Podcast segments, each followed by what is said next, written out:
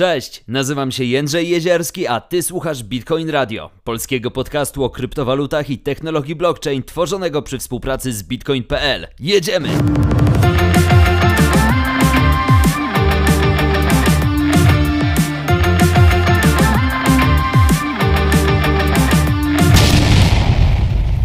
Mój Boże, co się dzieje na rynkach kryptowalutowych? Czemu Bitcoin nie idzie do góry, a miał iść do góry? I co gorsza, czemu wszystkie alty w dół również idą? Ponieważ nie wiem, czy wiecie, moi drodzy, ale miało być tak wspaniale, miało być tak dobrze. Mieliśmy już iść to the moon i nie wiedzieć czemu nie idziemy. Moi drodzy, ja nazywam się Jędrzej Jezierski, wysłuchacie Bitcoin Radio, o czym już doskonale wiecie, ponieważ wejściówkę musieliście usłyszeć zanim ten odcinek się zaczął. Dzisiaj przeprowadzę was przez głębokie meandry korekty. Ktoś mógłby powiedzieć tak troszeczkę, wiecie, złośliwie, że ja udzielam się tutaj w tym podcaście tylko wtedy, kiedy dzieje się źle na rynku. Czasem tak. No to, to prawda, no jakby ostatnio jestem wielkim piewcą tego, że rynek kryptowalutowy powinien zdecydowanie, całkowicie się po prostu rozwalić. No i wychodzi na to, że w tym momencie, kiedy to nagrywam, mam rację. Ale wystarczy już tych wszystkich nieprzyjemności, które sobie robimy. Przejdźmy do tego, co faktycznie na rynku się dzieje. Otóż przede wszystkim najważniejszą informacją jest to, że Bitcoin spadł poniżej 40 tysięcy dolarów. Znowu, jego cena w momencie nagrywania wynosi 37,5 tysiąca dolarów. Ether na drugim miejscu w rankingu kapitalizacji 2601 i patrzę, czy spadnie niżej o 2602. Tether klasycznie na trzecim miejscu, na czwartym Binance Coin 368, aż 8% w dół w ciągu ostatniego tygodnia. Na piątym miejscu USDC, szóste Ripple. E, za jedną sztukę Ripple zapłacimy 76 centów, jest to 5% spadek w skali tygodnia. Cardano na miejscu siódmym 13% w dół, na ósmym miejscu Solana 8% w dół, na dziewiątym miejscu Terra 5% w dół i Avalanche Avax na miejscu dziesiątym 7% w dół. Za dziesiątką znajdują się, moi drodzy, takie projekty jak Dogecoin, jak Polkadot, jak Shiba, jak Polygon. No, dużo, dużo różnych projektów tam faktycznie w tym momencie się znajduje. E Cóż można powiedzieć, jakby. E, najciekawszą rzeczą, moim zdaniem, w ostatnim okresie jest obserwowanie tego, jak radzą sobie projekty z obszaru metaverse, ponieważ jeżeli tak sobie na nie, wiecie, spojrzymy w mm, ujęciu na przykład chociażby tygodniowym, no to spora część z nich generalnie raczej spadki dwucyfrowe. Mowa tutaj o Sandboxie, o y, Teta Network, o Axie Infinity, które co prawda 10% w dół, ale Teta i Sandbox po 20%.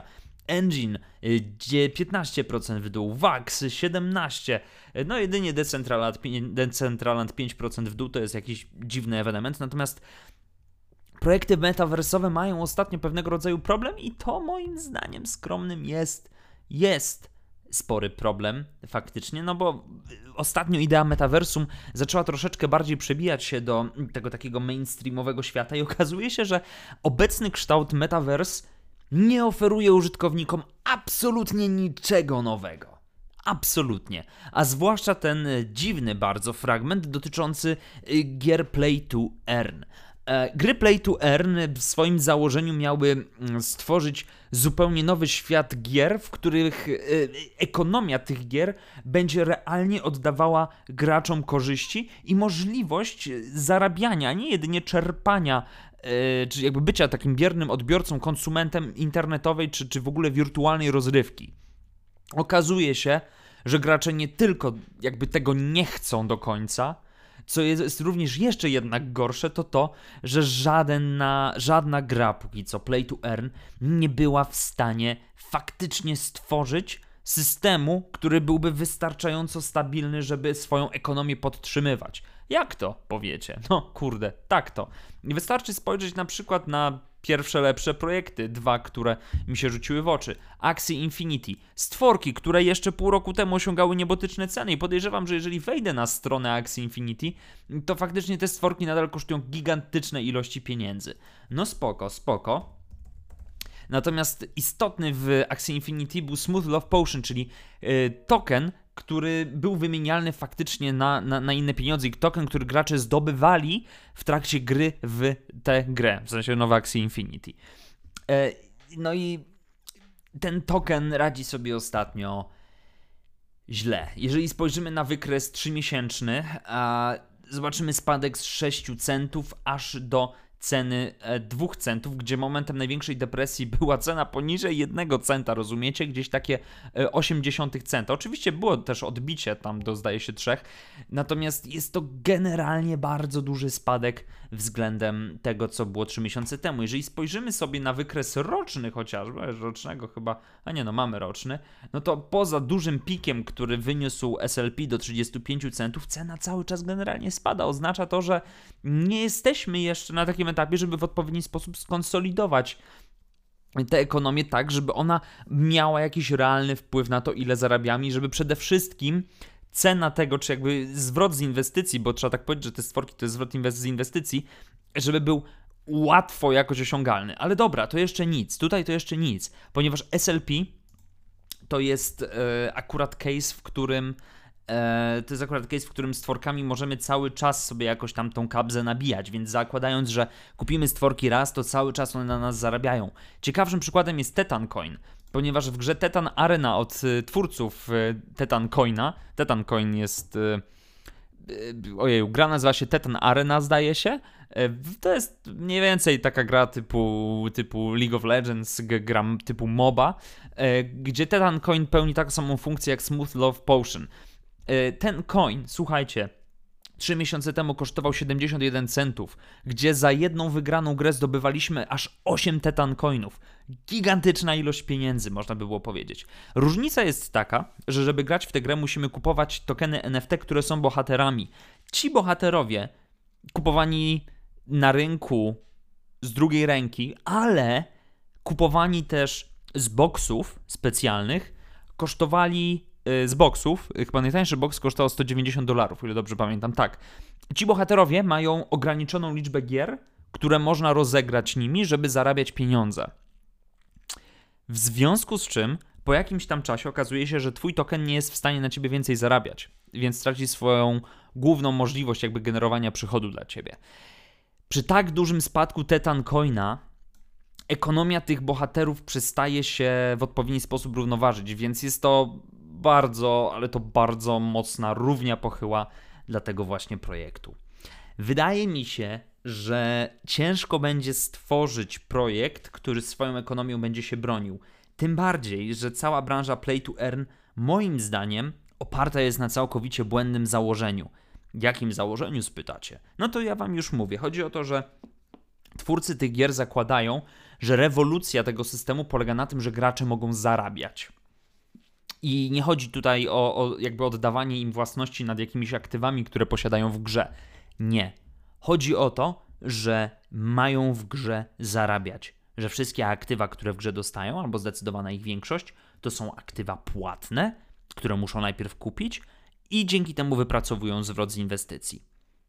Ok, fajnie. Tyle tylko, że jeżeli nie mamy stworzonego wystarczająco dobrego produktu w postaci gry, która jest grą usługą, oczywiście, która zachęca w odpowiednim stopniu graczy do partycypowania w ekosystemie, takimi świetnymi przykładami może być na przykład GTA, Red Dead Online, może być e, League of Legends, to okazuje się, że te, te gry przestają jakby nagle cokolwiek graczom oferować.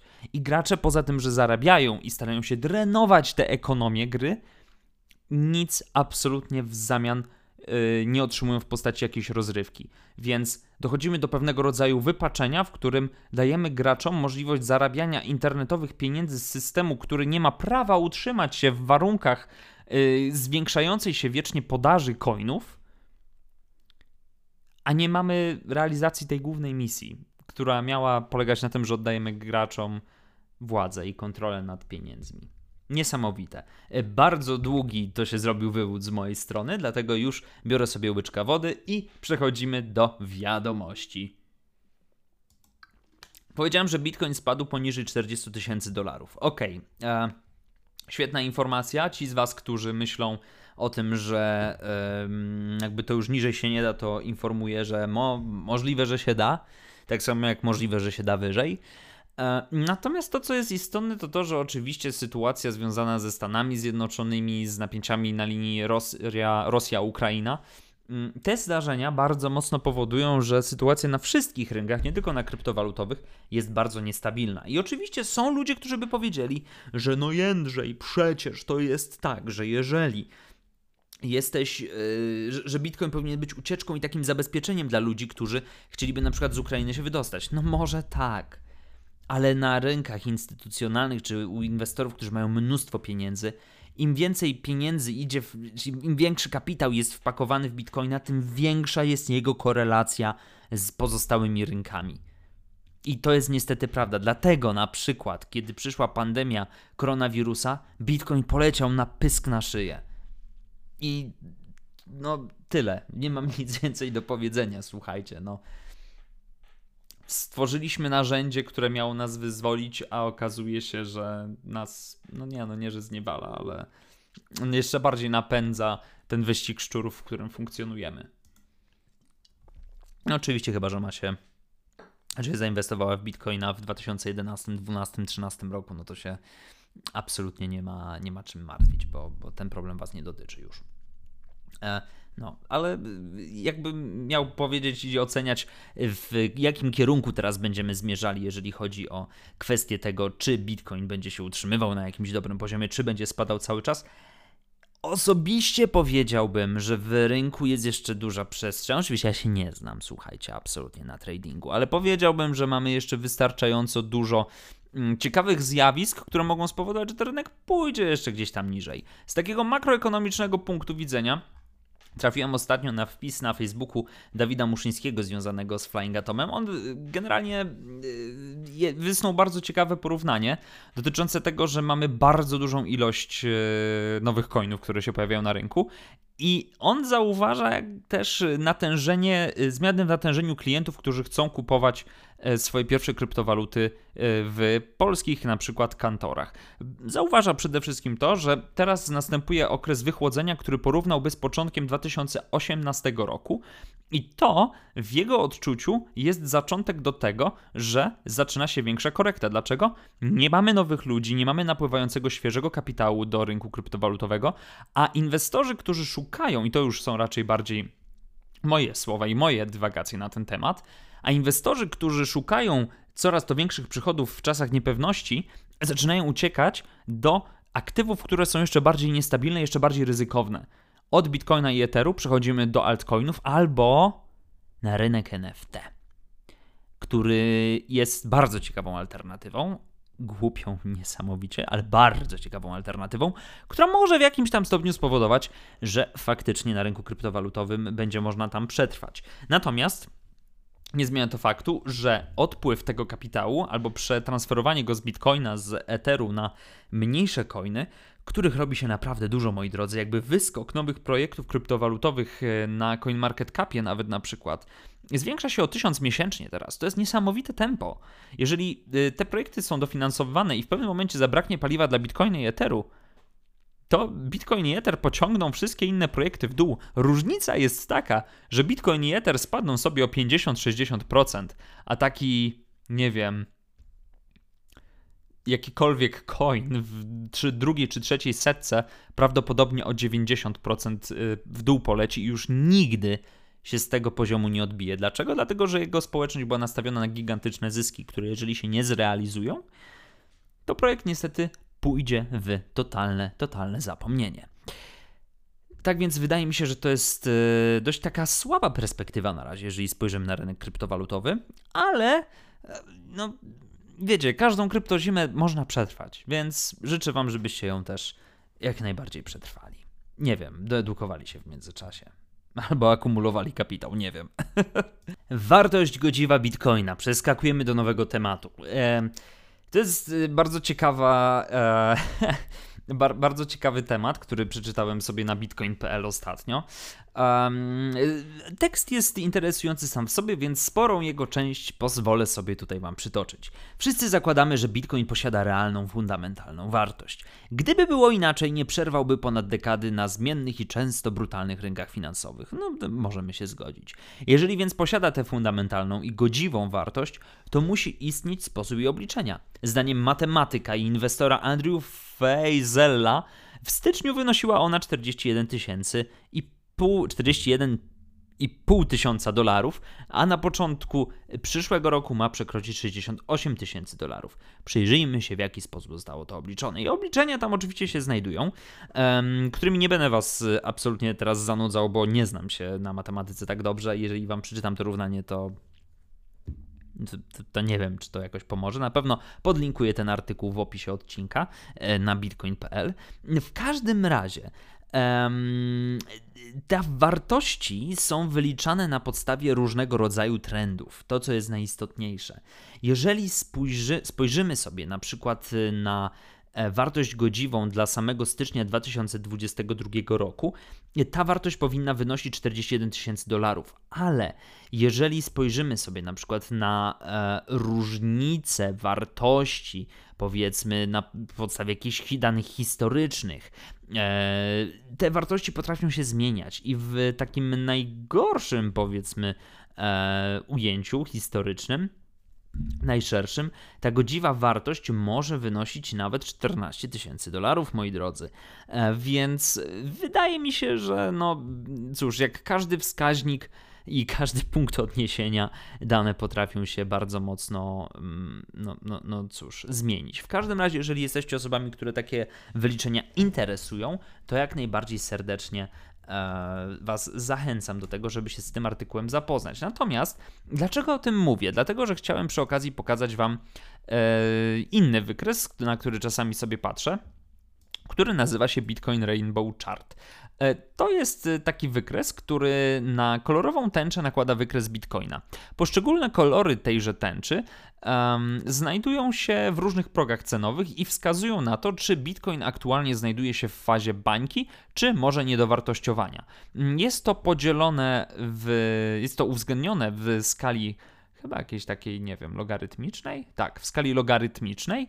Um, I co istotne, również uwzględnia okresy halvingów. I jeżeli mielibyśmy spojrzeć na przykład y, na y, to, jak relatywnie teraz Bitcoin performuje przy cenie tych 38-7 tysięcy dolarów, um, okazuje się, że jesteśmy wtedy w segmencie still cheap, czyli w okresie zielonym, czyli dość chłodnym, czyli takim, który mówi, że Bitcoin jest teraz na przykład tani. Aczkolwiek to nie jest żaden wskaźnik, który miałby pokazywać wam, że to oznacza, że teraz należy bitcoina kupować. Nie, absolutnie, moi drodzy, w żadnym stopniu nie.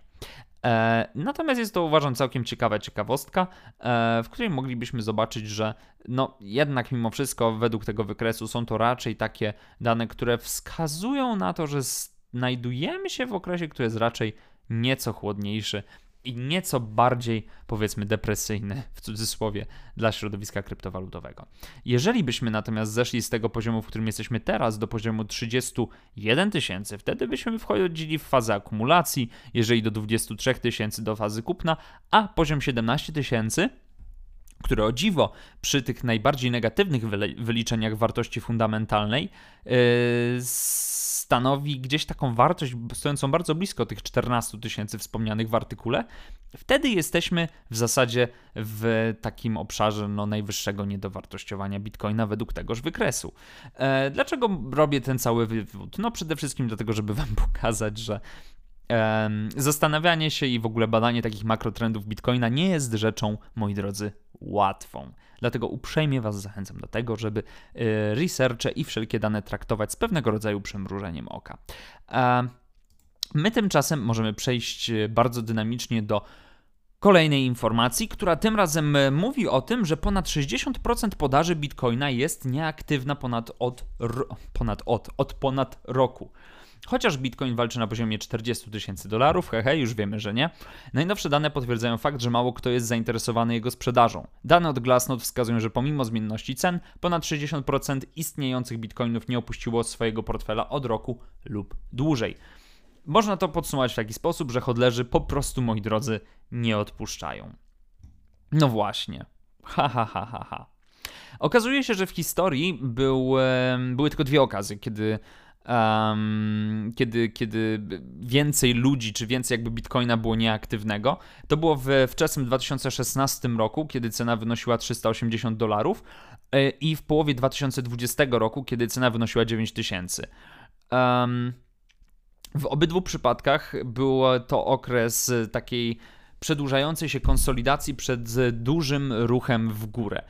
No i z jednej strony można, można powiedzieć, że tak jest, oczywiście, bo trzymanie bitcoina no, powoduje, że na pewno nie zostanie on sprzedany, natomiast z drugiej strony, no, jeżeli tego bitcoina nie ma w żaden sposób gdzieś na giełdzie, no to też te płynności mogą być nieco nieco mniejsze i może to doprowadzić do również bardziej dynamicznych ruchów.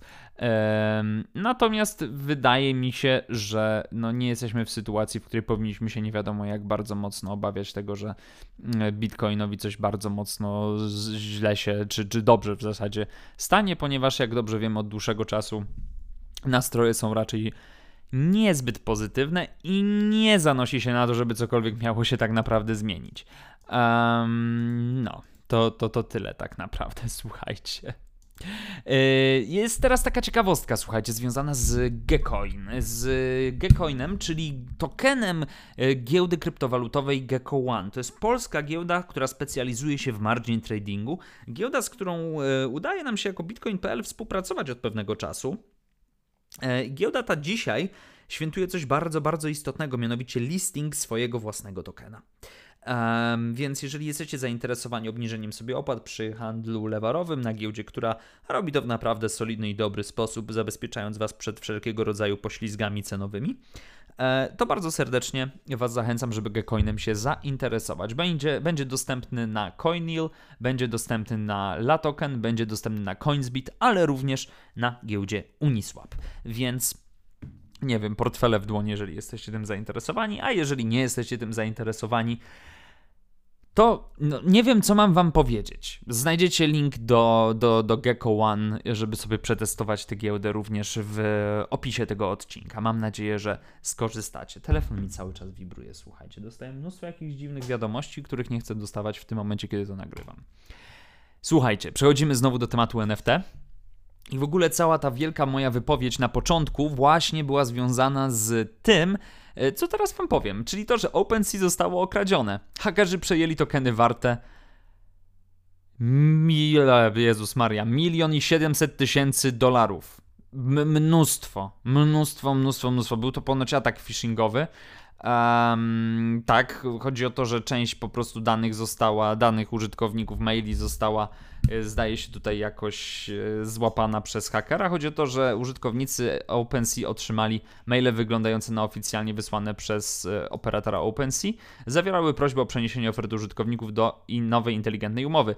Kwestia jest taka, jest smart kontraktu w sensie. Kwestia jest taka, że e, OpenSea faktycznie teraz prowadzi migrację części swoich e, asetów, czy wszystkich chyba asetów, na nowy smart contract. Więc okres był absolutnie idealny do tego, żeby stracić dużo pieniędzy, czy żeby wykraść innym dużo pieniędzy.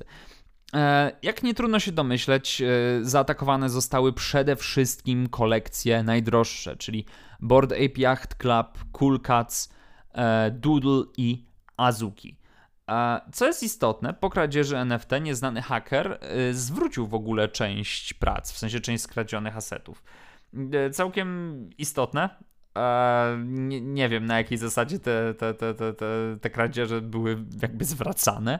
Natomiast no faktycznie, jeżeli haker poczuł jakieś wyrzuty sumienia i na przykład to, że zabrał jednego Azuki komuś, kto tylko jednego Azuki miał, no to może stwierdził, że nie warto jakby okradać kogoś, kto kto prawdopodobnie całe lokacje, całe oszczędności swojego życia, nie że wrzucił w tego Azuki, ale że to, to jest cały jego majątek, bo Azuki jest całkiem drogie teraz. To, co jest również całkiem istotne, to to, że trafiłem na bardzo ciekawy, mm, bardzo ciekawą nitkę na portalu Reddit, której oczywiście nie otworzyłem sobie odpowiednio wcześniej, więc jesteście teraz skazani na to, żeby słuchać, jak sobie będę szukał tej nitki w mojej historii przeglądania. I mam nadzieję, że wydarzy się to za chwilę, tak naprawdę, ponieważ ojeju, to jest bardzo dużo scrollowania, ponieważ nikt z Was nie będzie chciał czekać ani słuchać tego, co mam w tym e, obszarze do powiedzenia. Na całe szczęście udało mi się go znaleźć w tym momencie. E, treść, czy jakby tytuł tego posta jest bardzo ciekawy. Mm, mianowicie, jestem pewny, że 90% wszystkich NFT i, metaver- i sprzedaż metaver- sprzedaży metaversowych to ludzie sprzedający gówno samym sobie. 9% z nich to prawdopodobnie idioci, którzy myślą, że są w stanie je są w stanie sprzedać, zreselować okropne JPEGi za może troszeczkę więcej i pewnie 1% osób to osoby, które faktycznie wierzą w e, metaverse i ich wirtualny ekosystem. E, dlaczego ta teza jest tak bardzo ciekawa? Dlatego, że w dużej mierze jest prawdziwa. E, to, co bardzo łatwo można zrobić, na, jeżeli się ma jakieś tam powiedzmy dostępne środki w przypadku projektów metaversowych, no to przy pomocy kilku różnych portfeli bardzo łatwo napompować floor, floor price tychże projektów i napompować e, dodatkowo wolumen trade'u. W zasadzie nie ponosząc przy tym zbyt dużej straty własnej, zwłaszcza jeżeli się no dobra, jest tam powiedzmy to kilka procent jakiejś straty, które się zrobi, natomiast jest to nic w porównaniu z tym, jeżeli nawet pompując cenę i powiedzmy tracąc koszt jakiegoś pół eteru na prowizjach, yy, uda się sprzedać potem jedno czy dwa NFT-ki, które będą kosztowały po kilka eterów. To jest absolutnie niesamowite, to jest absolutny ewenement, że coś takiego można zrobić i że OpenSea nie ma żadnych środków tak naprawdę do monitorowania tego typu aktywności. I ktoś mógłby teraz powiedzieć, no jakże chwila, ale przecież to jest tak jak kupowanie sztuki. Nie, słuchajcie, OpenSea nie jest portalem takim jak Allegro, czy portalem takim jak, nie wiem, Amazon. Nie. OpenSea jest giełdą. Jest giełdą, jest giełdą, która funkcjonuje w nieco inny sposób, ale posługuje się dokładnie takimi samymi metrykami, takimi samymi narzędziami jak typowa giełda. I to, że można w dowolny sposób manipulować przy tych projektach NFT, przy ich funkcjonowaniu, przy tym, jak je chcemy kupować, sprzedawać, jest absolutnie dla mnie niezrozumiałe. Eee, I no, znaczy, dobra, jest dla mnie zrozumiałe, bo chodzi o to, że ludzie chcą zarobić mnóstwo pieniędzy. I to, że ktoś wysnuwa, słuchajcie, wniosek na Reddicie i mówi, że najprawdopodobniej spora część ludzi, którzy promują jakieś projekty NFT i je pompują, to są po prostu ludzie, którzy chcą manipulować, którzy mają dużo pieniędzy, wealthy crypto bros, jak zostali tutaj nazwani, e, to ludzie, którzy chcą manipulować ceną jakiegoś aktywa, ale nie mają wystarczająco dużo pieniędzy, żeby manipulować cenami jakiegoś średnio usytuowanego altcoina, decydują się na pójście w troszeczkę inną stronę. I to jest absolutnie prawda, ponieważ grupy NFT skojarzone, czy jakby zorientowane, czy zlokalizowane dookoła projektów NFT, to są grupy, które tak bardzo mocno przypominają jakiś kult osobowości i kult projektu, gdzie jakakolwiek rozmowa o jakimkolwiek foodzie jest w ogóle tak mocno dyskredytowana przez yy, żarłocznych członków społeczności, że to jest po prostu dramat.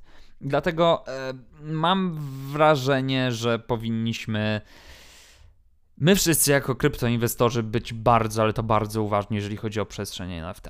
Naprawdę. Ja wiem, że każdy z nas chce zarobić i każdy ma prawo oczywiście sobie zarobić na NFT-kach. Ale aktywne uczestnictwo w tym procederze, w tym sensie, że staramy się napędzić ekonomię tych projektów w sposób aktywny, Oj, to jest, moi drodzy, ciężki temat. To jest, to jest bardzo ciężki temat. Na sam koniec dwie krótkie informacje. Joe Biden chce regulacji rynku kryptowalut w USA i Rosja, o, Jezu, Rosja organizuje konsultacje społeczne o kryptowalutach również w celu ich uregulowania. Niesamowite, co nie? Niesamowite. Rosja kontra Ameryka. Kto będzie miał lepsze regulacje dotyczące rynku kryptowalut? Nie mogę się doczekać. Jestem bardzo, bardzo zainteresowany tym, co się wydarzy w najbliższym czasie na rynkach kryptowalutowych, na rynkach e, no, NFT oczywiście też. Mm, natomiast przede wszystkim jestem ciekaw, jak wy się macie. Tak, to na koniec będzie takie, takie, taka odezwa do ludzi. Słuchajcie, chciałbym Was zapytać e, pod koniec tego odcinka o Wasze najdziwniejsze, najciekawsze przygody kryptowalutowe, na które trafiliście, albo na najciekawsze, najdziwniejsze projekty. E, podzielcie się tym koniecznie ze mną e, na mailu, na przykład e, i mam nadzieję, że będę mógł sobie posłuchać o tym, co wy ciekawego tam zrobiliście, albo kto co ciekawego próbował wam wrzucić. Może zainwestowaliście w jakiś projekt, który był bezsensowny, albo w projekt, który dał wam gigantyczny zwrot, albo może kupiliście jakiegoś NFT i okazał się być świetny i drogi. Niesamowite, nie? Czekam na wasze wiadomości. Cześć!